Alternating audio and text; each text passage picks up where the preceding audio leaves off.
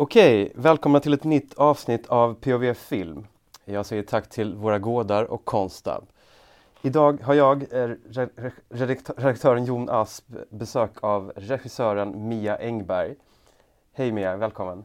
Tack. Det är nästan exakt eh, tio år sedan som din eh, film Belleville Baby hade premiär Mm. i eh, Berlin.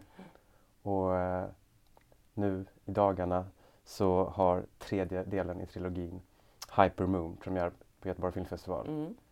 Eh, tio år eh, och däremellan då Lucky One.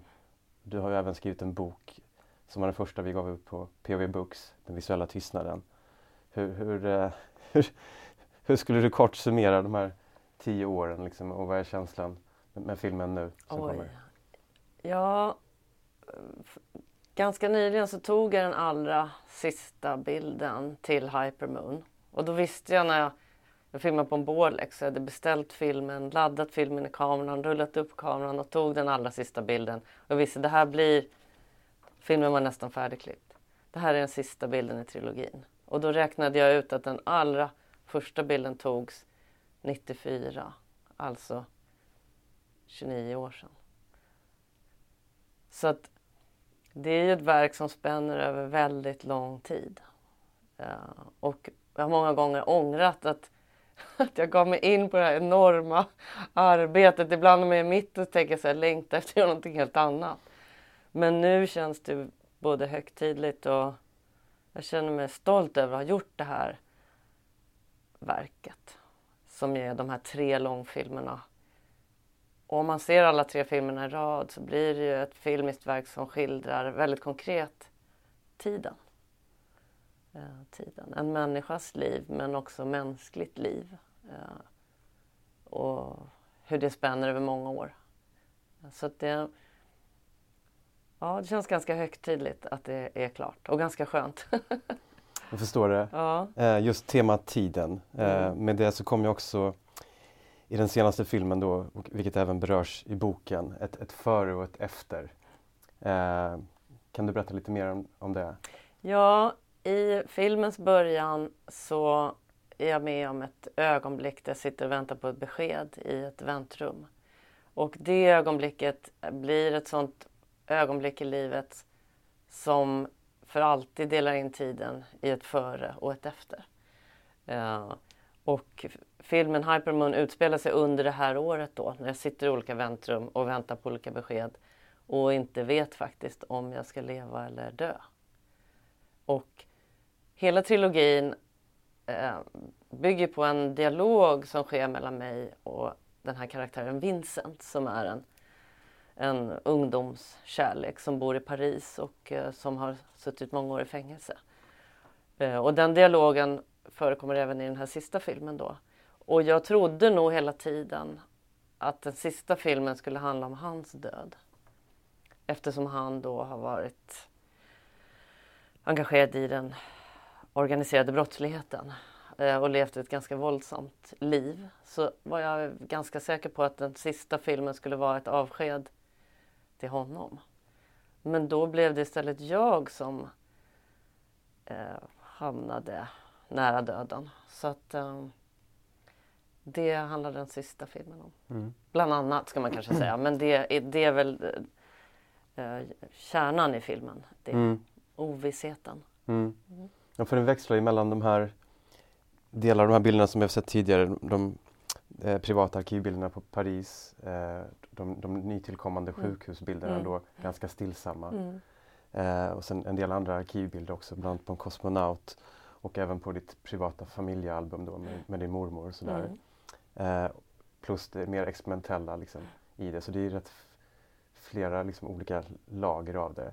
Jag tänkte just det här före och efter som vi pratade om. Det, det blir ju en eh, tydlig markering i filmen men inte bara utifrån det som du beskriver nu utan också utifrån hur man, hur man närmar sig döden. Jag menar, när man som ung och liksom lever med äventyr och går in i någonting och är allt utom rädd för döden. Liksom. Man leker nästan Mm. med den snarare.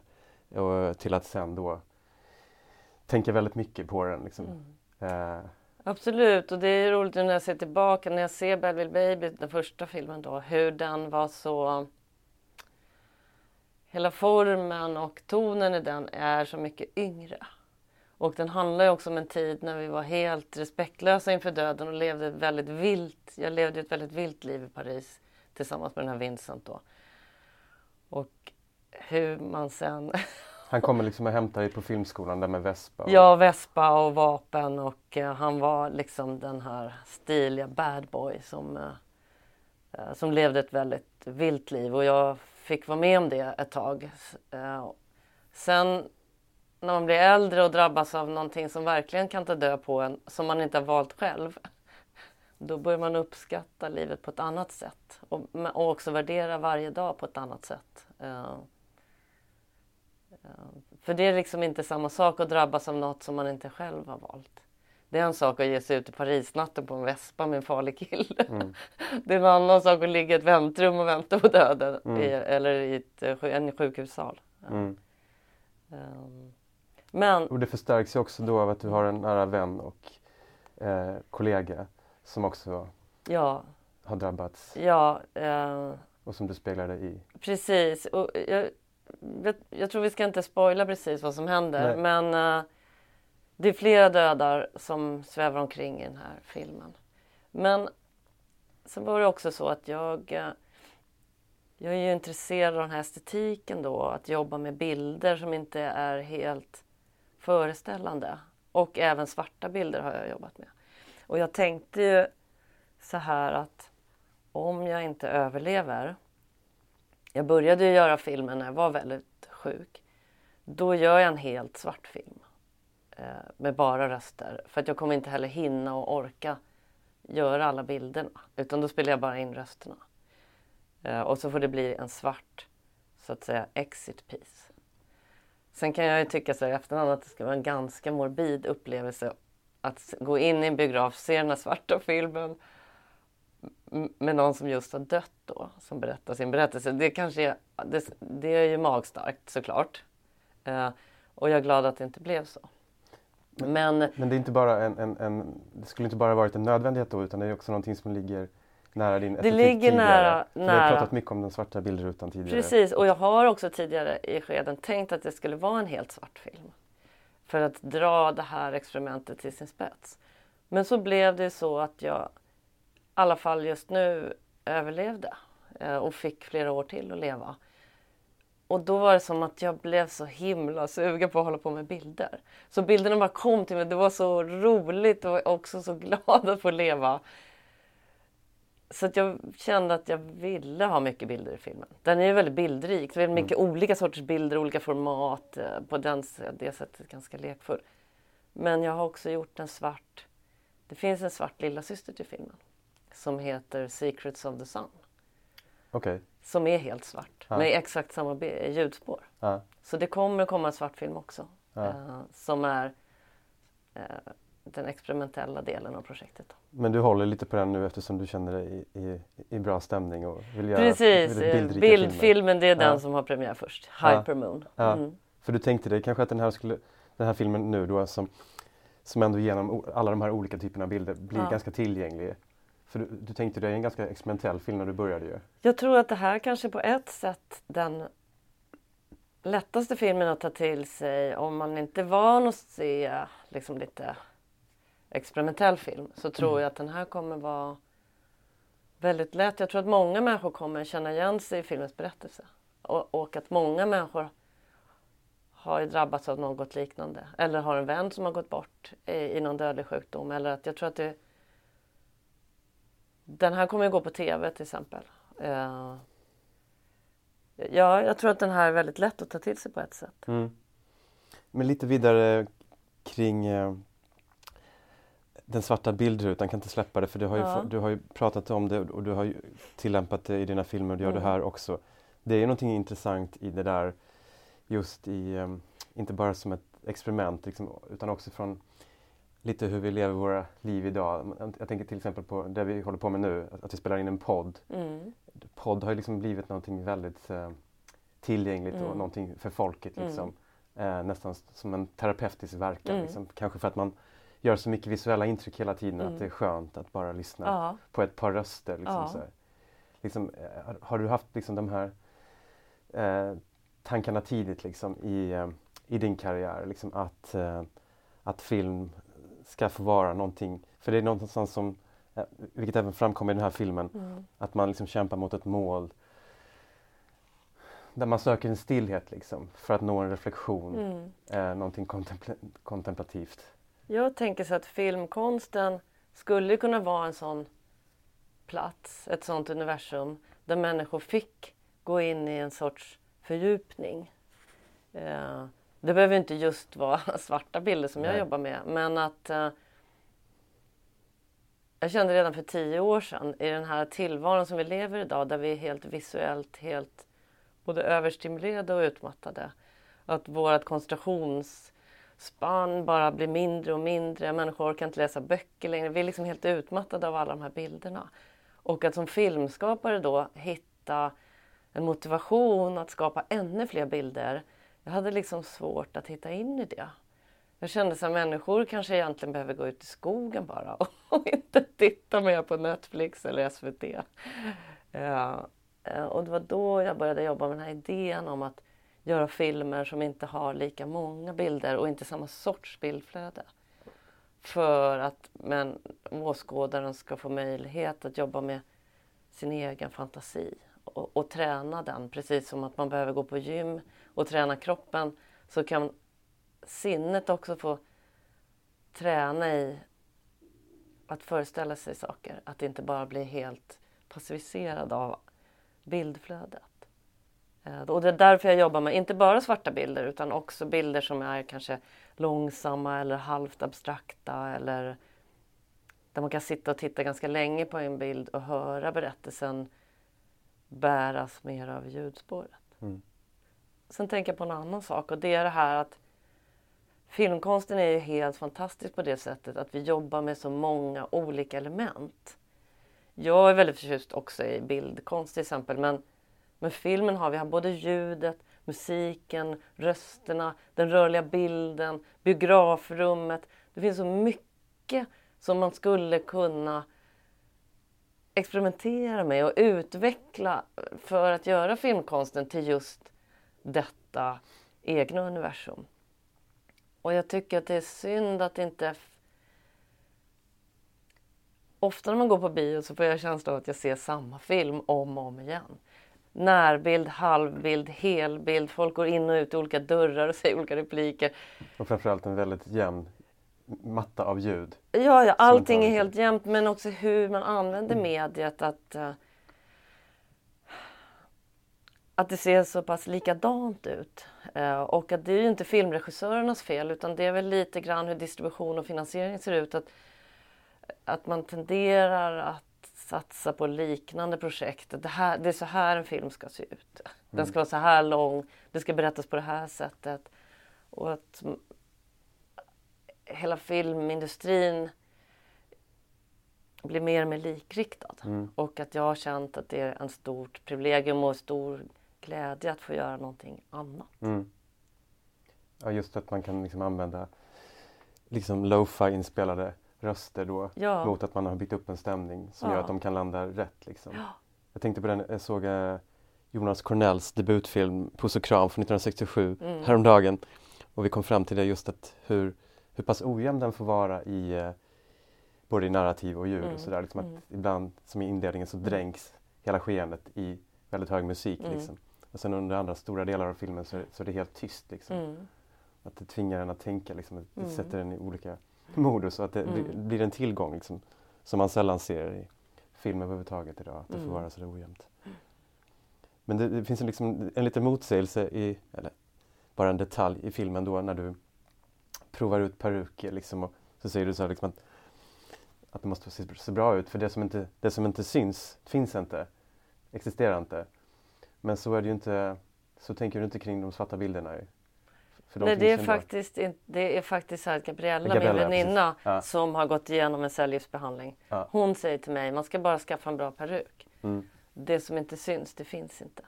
Så det, det kommer inte från mig, utan Nej, det kommer sant. från henne då. Eh, men eh, jag, jag skulle nog säga att jag, för mig är det nog tvärtom. Jag tror faktiskt att den blåa boken, den visuella tystnaden, slutar med just det. Du ser mig inte men jag finns. Mm. Mm. För att jag tror att det är så överskattat idag att allting handlar om appearance. Man ska bara synas. Man ska visa upp sin rumpa och sina maträtter och sina läppar på Instagram och sådär. Mm. Man ska bara synas. Men jag tror att det är det, är det som inte syns. Det är kanske där det verkliga livet finns. Mm. Och att jag också jobbat mycket med mina filmer, även med andra projekt. Dirty Diaries till exempel. Vi gjorde ett projekt med feministisk porr. Att jobba inifrån. Att, att försöka komma runt det där med den voyeuristiska blicken. Att visa hur, hur saker känns.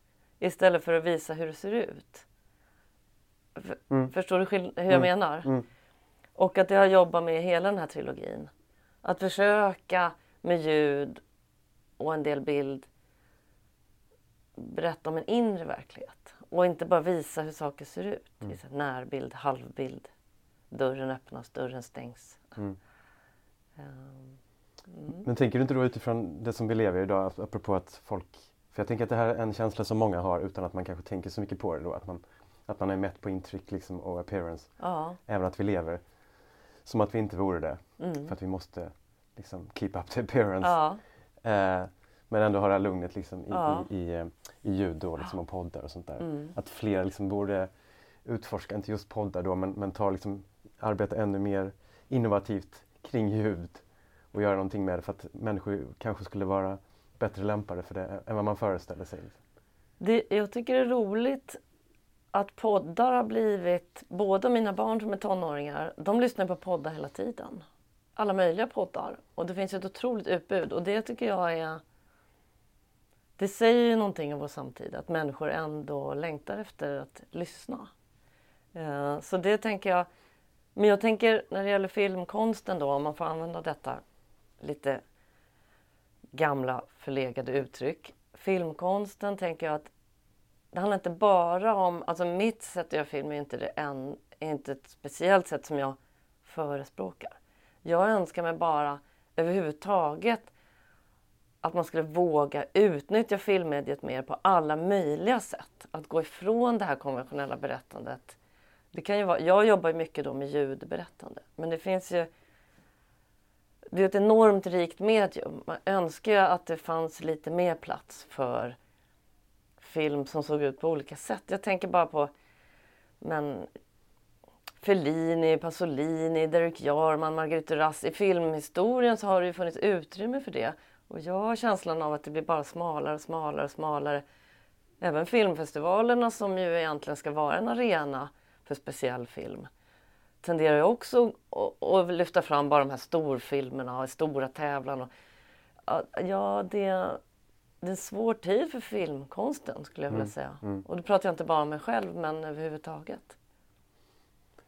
Ett äh, väldigt starkt element i, i senaste filmen äh, är ju kring platserna också då som du målar upp.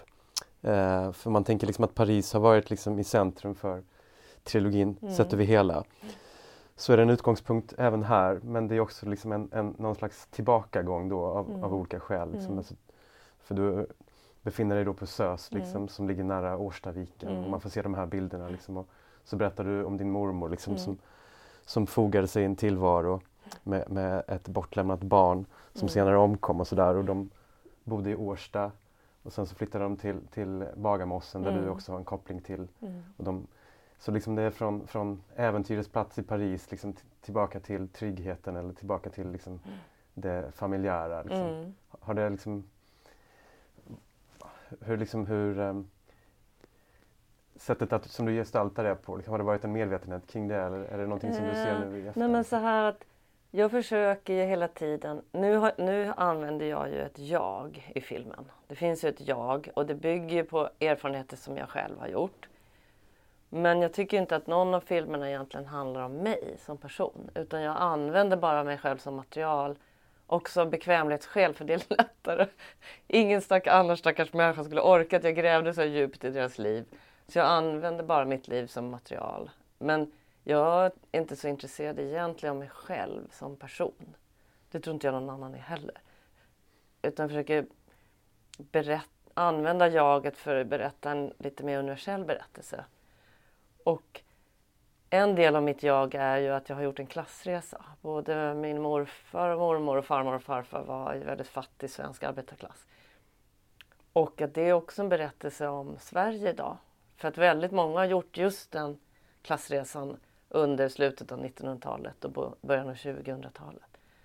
Och att det är också kvinnornas berättelse. I Belleville Baby berättar jag om min farmor som var sjuksköterska eh, och var gift med min morfar som var verkstadsarbetare. Och hon, det visade sig när hon dog att hon hade haft en man som hon längtade efter hela sitt liv. Jag hittade hennes dagbok och hans namn var noggrant överstruket i dagboken med röd, röd tejp. som man inte skulle kunna se vad han hette. Så hennes berättelse är med i Belleville Baby, den första filmen. Mm. Och nu när jag låg på Södersjukhuset så tänkte jag ju såklart mycket på min mormor som ju hade dött just på Södersjukhuset. I samma sjukdom som jag hade dessutom. Så då blev det liksom naturligt att berätta om henne också för att knyta ihop den här berättelsen om både kvinnornas historia men också kanske min arbetarklassbakgrund. Mm. Mm. Det faller sig naturligt, ja. En annan sak, eftersom jag jobbar med tid så tyckte jag att rent visuellt ville jag ha bilder från olika tider så att säga. Både helt nytagna bilder men också gamla bilder, så gamla som möjligt från mina bondesläktingar på Gotland på 30-talet och sådär. För att många skikt av tiden skulle vara synliga i filmen. Mm. Det är ju inget speciellt med att man ska dö. Det har alla generationer gjort. Mm. Men apropå tiden, det, det finns en stark scen eh, oavsett om den är gestaltad eller om den är naturlig. Det behöver inte vara så intressant då, mm. utifrån det du säger. Mm. Men när ditt, eh, din expojkvän Vincent och Vance, mm. eh, när han imponeras, han, man minns liksom att han imponerades över din självsäkerhet i att berätta historier. Liksom. Mm. Och där känns som att vi kommer in på, på någon, någonting centralt. Liksom. Mm. Och, för då frågade du så här, men, var jag så ointressant? Eller, utan, men det är mer utifrån att, att du tog det utrymmet liksom, då, mm. i, även i, i, i, nya grupper. Liksom, att berätta liksom, och sådär. Då tänker man att i det där så finns det ju liksom en, en person som, som någonstans söker äventyr och kickar liksom sådär, men också mm. en, en, person som, som är en berättare och som har ett mm. behov av att, mm. av att skapa. Liksom, mm. att det, ändå i någon mån är Mia Ingberg. Mm. Alltså som, som, kan du känna igen dig i den bilden då, som han hade då? För det, oh, han, ja. han tyckte att det fanns något attraktivt oh, ja. i det. Ju. Och, och det, det, jag kan ju ibland också undra om man nu ska prata om mig som person. I den miljön som jag var men också i min uppväxtmiljö. Varför just jag blev en sån som berättar berättelser. För det finns ingenting, mm. varken i min barndom eller mina vilda ungdomsår som uppmuntrade det. Nej. Varför, var kom den kraften ifrån? Jag undrar det fortfarande. Eller inte ens kraften, men det här behovet eller förmågan eller... Så det har ju såklart varit drivkraften i min egen klassresa. Mm. Men att jag redan då, fast vi var så unga, fast vi var påtända hela tiden, mm. så hade jag redan börjat skriva de här berättelserna i mina anteckningsböcker. Och mm. varför vet jag inte. Och att en klassresa är också alltid ett svek mot dem som man lämnar bakom sig. Mm. Det kan man aldrig... Det finns också en sorts ensamhet i det. Som jag tror alla klassresenärer kan känna igen. Att man, man, man blir aldrig riktigt en av de privilegierade. Men man kan heller aldrig återvända till den miljön som man kommer ifrån. Rent känslomässigt så, så, så blir man som en satellit. Men att jag tror att det fanns eh, en, en beundran men också en besvikelse hos många av dem som har lämnat bakom sig. Mm. Mm. Och, det nämns också i filmen då att du svarar liksom där då för att han dras till dig liksom för att du kommer i en annan kontext än vad, vad mm. han är van vid då. Mm. Och, och vice versa. Liksom, att det blir som att man visar upp varandra lite grann också. Mm. Och du säger att du bara ville vara en kassab, liksom, mm. bara o, obrutbar. Liksom i det här, alltså mm. som att ni är odödliga. Liksom. Mm. Och det eh. var vi också, i alla fall i, i, i nuet. Ja. Mm. Ah, förlåt, jag avbröt dig. Nej, precis. Ja. Men när, när, när liksom när går man från att liksom vara, för det här handlar ju också om ett skapande, du gjorde, Mm. ju- gjorde ju film redan då, liksom. Mm. när går man från att liksom att vara odödlig liksom, i, i sitt Mm. driv framåt till att Mm. vara dödlig? Liksom. Är det liksom någonting som inträffar, ja såklart i ditt fall då genom något konkret här då. Men eh, jag tänker att det är någonting som kommer tidigare än så. Det är ju det som är intressant med att bli äldre. Jag är 52 år nu. N- När jag, var, när jag var 25 så kunde jag liksom inte ens föreställa mig att jag skulle bli 52 år. Eller det var så abstrakt att tänka att man skulle bli en medelålders kvinna då. Men det är det som är så intressant med att vara i den här åldern att alla skikt av livet finns kvar i en. Så jag är ju också hon som var 24 år och var i Paris. Eh, och där kommer vi tillbaks till det som du började med, det här ögonblicket som alltid delar in tiden i ett före och ett efter. Kanske är varje ögonblick ett sånt ögonblick. När blir man äldre? Det är svårt att se exakt vart, var åldrandet Mm. är. Men Mm. plötsligt har man blivit en medelålders kvinna som sitter på Södersjukhuset och väntar på besked. Och, ehm, och är i högsta grad dödlig. Mm. Och, och det är väl det också som jag kanske försöker, jag säger inte att jag har svaren, men det är väl det trilogin försöker greppa efter. Vad är tiden och hur drabbar den oss och hur lever vi i tiden och när händer livet?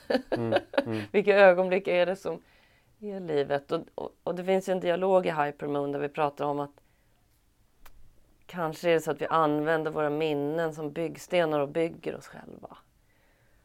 Eh, och till slut när man blir, om man får bli riktigt gammal så är det liksom det enda man kvar, har kvar är alla de här minnena som kanske är mer levande eh, än stunden är så att säga. Mm. Ju, ju äldre man blir desto mer minnen har man ju så det här Mm. bygget blir bara större, större, större. Mm. Ja. För något liknande verkar ju också hända med, med Vincent som också har ett behov liksom av att, att prata om det som har varit och konditionaliskt tänker så här, tänk, om, vad tror du om det hade varit så här, hur hade det varit idag? Ja, så, så om tänk, vi hade varit ihop, om, om det hade hänt. Om, och det är klart, om man har hamnat i fängelse som han gjorde då, så är det klart, hans liv tog en väldigt radikal vändning och han blev kriminell och sådär. mm, och Eh, ti- tidsaspekten av det. Ja, att där fanns det ju också i hans tankevärld i alla fall ett före och efter. Om jag inte hade lämnat Sverige, om jag inte hade lämnat dig, om jag inte hade gjort det så kanske inte det här hade hänt. Mm. Men jag tror att det drabbar alla, även en åldrad gangster tänker väl ibland tillbaka på livet och tänker just så. Om jag hade gjort si, om jag hade gjort så. Mm. Ehm, Du skildrar också eh, genom arkivbilder den ryska kosmonauten eh, Valentina Tereshkova, Mm. kallad Chaika. mm, Eh, också utifrån den här eh, aspekten, liksom, för när hon väl ger sig av 63 eller något sånt där va? Som, som första kvinna mm, i rymden då och ensam då. mm, Att vara själv om de här erfarenheterna. Mm. Liksom, när hon, för hon gör ju också en väldig klassresa liksom då. ja, Eh, och när hon väl kommer tillbaka då så beskriver det som att hon liksom, är liksom tacksam för jordens dragningskraft. Liksom, att åter kunna dela minnet. Var det liksom det som var ingången i... Det var så att när jag var när jag var som allra, allra sjukast och jag insåg att den tredje filmen kanske skulle handla om min egen död. Det var den natten jag var som allra, allra sjukast. Då dog David Bowie. Uh, uh, och jag tror att jag drabbades av hans död på något sätt, så som många gjorde. För att han var en sån del av vår uppväxt och vår ungdom. Han är alltid, hans musik har liksom alltid funnits och sådär. Uh, och han skrev ju om en astronaut, Major Tom, hette han va? Mm. Som ju sen blev knarkare och allting. Men, men, och jag, jag tänkte när, den natten när jag låg vaken och så tänkte jag så här, hur ska man beskriva den här... Då, då skrev jag hela manuset till den här filmen nästan på en natt. På ett papper bara så här. Eh, och, och då tänkte jag så här, hur ska man skildra den här känslan av att sväva mellan liv och död? Eh, dels i den här ensamheten men också det här mörkret som är både skrämmande men också lite lockande att bara driva iväg. Ehm, och då skrev jag den här barnastronauten, den här barnrösten som finns kvar lite grann i filmen men som hade en större roll från början. Och så började jag tänka på det här med att vara en astronaut och jorden är liksom vårt hem men där ute finns det ju bara hur mycket mörker som helst. Man kan inte ens greppa hur mycket mörker finns där ute. Mm. Och det är precis som döden, den ligger där bara som ett stort avgrundsdjup utan att man lyckligtvis behöver tänka på den varje dag. Men... Och då går, sen några dagar efter, lite senare när jag började, när jag var lite friskare och började jobba konkret på filmen, så googlade jag bara på den första kvinnan i rymden. Och då hittade jag den här otroliga historien om Valentina Tereshkova. För det första har jag aldrig hört talas om henne. För det andra, hon var bara 22 år när hon började tränas till kosmonaut. Vilket är sjukt tidigt. Hon är alltså yngre än min dotter är nu. Mm. Och hon skickades också upp i rymden verkar det som utan att ha kanske Ja, hon var ju fabriksarbetare Mm. då. Så jag Men- tror att det var en visst intresse- symbolisk handling från Ja. Sovjet att bara skicka upp henne. Och hade, hon hade ju också lika gärna, det blev så mycket problem under hennes rymdfärd så hon hade också kunnat aldrig komma tillbaka. Eh, Så hon var ju en liten försökskanin på många sätt. Mm.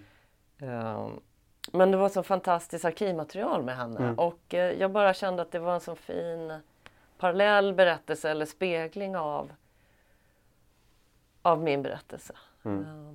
Mm. Det är så fint hur, hur du formulerar det också då när hon väl kommer tillbaka då för det, du beskriver ett mörker som hon är i där ute liksom då. Mm. Och det är liksom åter tacksamheten då för jordens dragningskraft Mm. liksom. Mm. Att kunna dela minnen Ja. med andra människor. Ja.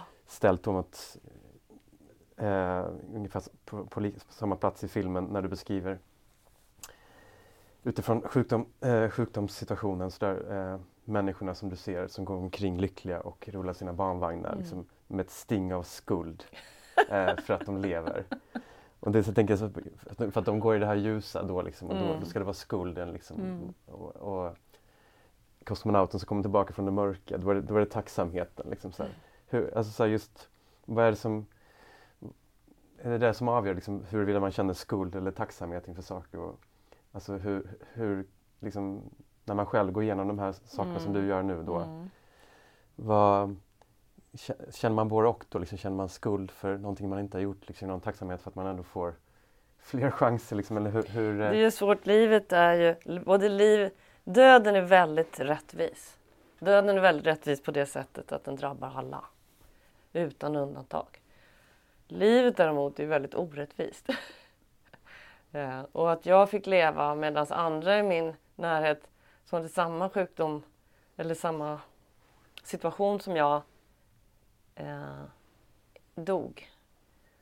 Eh, det lämnar ju också, även om, även om det är en glädje att få leva, också en känsla av skuld eller i alla fall av orättvisa. Hur olika saker drabbar oss. Ehm, men ehm, ja, tacksamhet och lite skuld. mm. Mm. Ehm, ja. Jag tänker på det, det blir ju i dina filmer mer och mer, eh, vad ska man säga, eh, du blir mer och mer som en, en poet någonstans ändå. Eh, ja, särskilt om man, då gillar, om man gillar din röst och, och Ja. den voice som du skriver, för du är väldigt skicklig på det. Liksom. Ja. Du har, vet, vet exempel så, så, så pratar ni om minnen från, från filmskolan ja. eh, tillsammans då med, med din, eh, din vän. Liksom. Och Mm. Det låter så här, vi pratade om minnen från, från filmskolan då jag var fattig och hon gravid. Och vi gjorde övningar med en Bolex-kamera och allt låg framför oss. Eh, ser du liksom på filmen mer och mer som ett sätt liksom att, att, eh, jag menar, att uttrycka liksom, ja, men är, det din, liksom, är det din poesi, liksom, ja, mer, mer bokstavligt då? Alltså, filmen har ju alltid varit ett poetiskt medium så, men, men eh, liksom, hur mycket tid lägger du på, liksom, på, på, på att få till de rätta, liksom, den rätta tonen? Och, Jag tror så här att eh, alla filmer har ju sin form. Eh, och eh, den här filmen gjordes ju väldigt mycket utifrån mina egna begränsningar. Jag orkade inte så mycket. Jag var ju liksom väldigt sjuk och väldigt, sen väldigt trött när jag höll på att repa mig. Och eh, då tänkte jag om den här filmen ska bli gjord då får jag liksom jobba med det jag har. Jag kommer inte orka några stora inspelningar med ett stort team. Jag orkar inte gå upp på morgnarna och, ha någon fotograf som står och väntar på mig. Utan det måste vara, det kan bara ske utifrån det som jag orkar. Och att skriva orkar jag alltid. Och att läsa in, jag hade faktiskt en sån där precis som vi spelar in med idag. Hemma bara som jag läste in rösterna. Och då blev det så att min röst och mina ord, det är det som bär filmen väldigt mycket. Och allt annat har jag liksom lappat på. Mm. och jag är väldigt bra på att läsa berättarröst. Det är någonting med min röst som funkar med det. Eh, men det låter kanske som att det är snabbt gjort, men det är det inte. Utan jag skriver om ganska mycket. Det är fördelen när man spelar... Inte att det var. Nej, Nej det är fördelen när man spelar in själv. Att ja. jag läser in, klipp, och jag klipper själv också. Ja. Så klipper jag in och sen ändrar jag och så läser jag in igen och så ändrar jag. För att det får aldrig bli för mycket ord. Utan varje ord måste vara eh, eh, precis. Mm. Eh, för berättarröst är det ganska jobbigt att lyssna på om det är för mycket ord. Mm. Så därför så skalar jag bort tills det är så lite som möjligt. Ja, det är ekonomiskt och då, mm. och då vet man ju oftast att det är ett ganska eh, stort arbete som, ah. ligger bakom. Så det, jag var inte, nej, jag var inte nej, min analys att det hade gått ja, väldigt jag, fort. Nej, men det verkar vara någonting som, som, som, som du ändå är väldigt bekväm med. Liksom. Jag alltså en metod som, ja. passar, som passar är då även att den uppstod av, av omständigheter. Av brist. Men ja. brist är ju kanske kreativitetens största energiform. Alltså att, eh, att ha begränsningar, det är bra för kreativiteten. Jag undervisar ju mycket film också, filmskapande. Och jag brukar försöka uppmuntra mina elever, för många tror, det finns ju en allmänt utbredd missuppfattning att film, man måste vara som Ruben Östlund. Liksom som en eh, atlet. Så här, vit man, rik, frisk, eh, aggressiv, eh, älskar att jobba i hierarkier, kunna styra ett enormt team, kunna ha jättestora budgetar. Eh, allt det där, man, det är en missuppfattning att film måste göras på det sättet. Och det är också den missuppfattningen gör att exkludera väldigt många ifrån att skapa film. Man kan göra en bra film med sin iPhone och ett gratis software på sin dator. Behöver inte, film behöver inte se ut på ett speciellt sätt. Och det vill jag komma tillbaka till igen, att estetik och metodik och etik sitter ihop. Eh, om vi bara kan öppna ögonen för att film kan se ut på väldigt många olika sätt.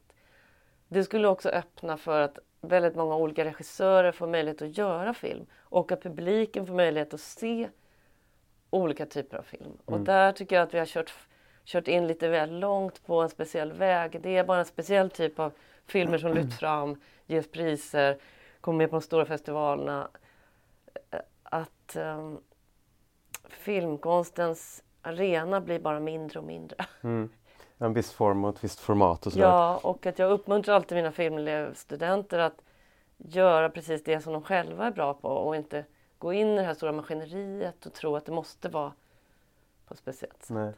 Men hur, om, man, om vi eh, tar det från, lite från andra hållet då. Hur, ja, vi ska jobba i olika format, göra olika former, det ska se olika ut beroende på vem man är. Men hur mycket, hur mycket, måste, man, hur mycket måste man leva liksom, för att vara en skapande regissör och konstnär? Jag tänker så här på när, när du drivs in i den här Pariskontexten, den lite mer farliga. Liksom så här, hur undermedvetet är det liksom att det är också i, i drivkraften för att kunna skapa bilder själv? Liksom. Va, va, ja, du menar så. Behovet, så du menar ja, jag, det som Vance ja, nästan anklagar mm, dig för då. Han kände som att han var i din film hela tiden bara. När han tänker tillbaka på det så förebrår han nästan dig för det då. Mm. Vet, oavsett om det är en konstruktion eller inte så, så är det liksom lite, lite vackert att tänka på det kring det. Jag tänker så här att i efterhand jag skulle säga de destruktiva krafterna i mig själv har alltid varit eh, lika starka som min, mitt behov och min vilja att berätta. Så att jag hade nog gjort det där och kanske gått ännu längre även om jag inte hade tänkt att berätta om det. Det är kanske snarare så om jag inte hade den här eh, viljan att gå på filmskola och berätta om de här sakerna då hade jag kanske förlorat mig i det där äventyret för alltid. Eh, så att jag tror att det snarare berättelserna räddade mig. Det, kanske, det var inte berättelserna som var min drivkraft Nej. i det. Ja. Däremot kan man ju säga efterhand och det tror jag att många berättande människor kan känna igen sig i att jag använder allting jag är med om hela tiden i mina berättelser. Även om jag skriver fiktion eller, eh, och det tror jag många, speciellt författare, gör. att Man använder hela tiden andra människors berättelser också mm. och, och bockar in i, i den stora eh, degen som är det kreativa. Och, och det är klart att det finns någonting lite fult med det. Att man är ju en tjuv också. Eh, och att det blir extra fult att vi levde det där tillsammans men jag kunde liksom slå mynt av det och göra en karriär på, på det. Medan han betalade liksom priset och satt i fängelse och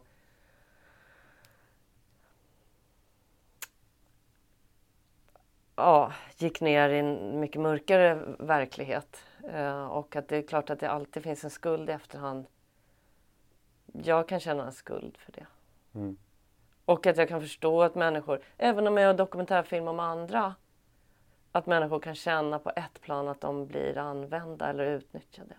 Mm. Um. Ja, det finns ju medvetenhet kring det i filmen också. För du, ja, det, du, du filmar ju dina barn här nu också, även ja. de är inte helt bekväma med det och så kommenterar den. Då, då, då flyttar du på kameran liksom och låter bara ljudet vara där. Så att, Jo, så det är ju någonting som jag alltid brottas med. Att det finns också någonting oetiskt med att, att ta livets berättelser och göra det till sitt. För det är också den aspekten att jag gör det här till mitt.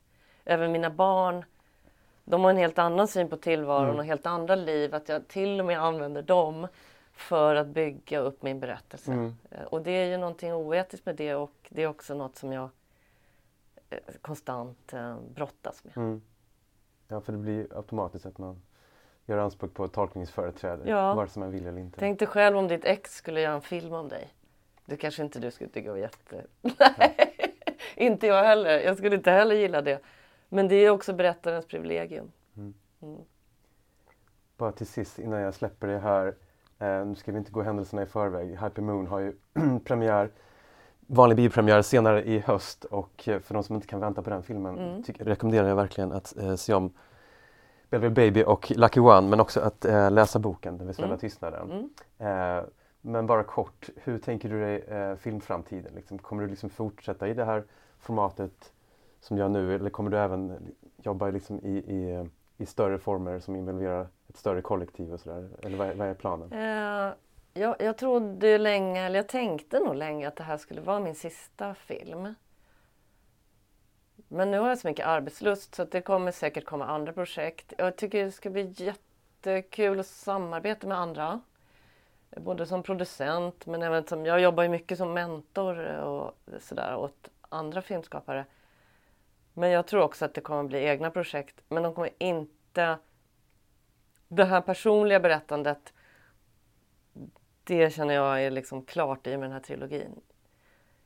Det känns som att jag aldrig mer vill säga ordet jag. inte i en film i alla fall. Och jag tror inte... Nej, det, det personliga berättandet är jag liksom klar med. Men... Ja vet faktiskt inte. Jag måste vila lite efter det här enorma projektet och sen får vi se. Mm. Det brukar det brukar komma av sig själv. Mm. Mm. mm. Men jag skulle kunna göra en stor spelfilm med massa människor som går in och ut i olika dörrar. Vem vet? Nej precis, men det låter ju rimligt. Filmen, har inte, filmen är inte klar förrän den har mött sin publik. Liksom, så Nej. Du, du, du, är fortfarande i det här, ett senare beslut. Jag tycker att det, blir, det är också något som händer. Efter varje film så hamnar man lite grann i en, en grop. Det är ungefär som att vara bakis efter en stor fest. Eh, det blir lite tomt och jag är inte sådär så att jag bara kan börja på en ny film direkt utan eh, man måste ladda om.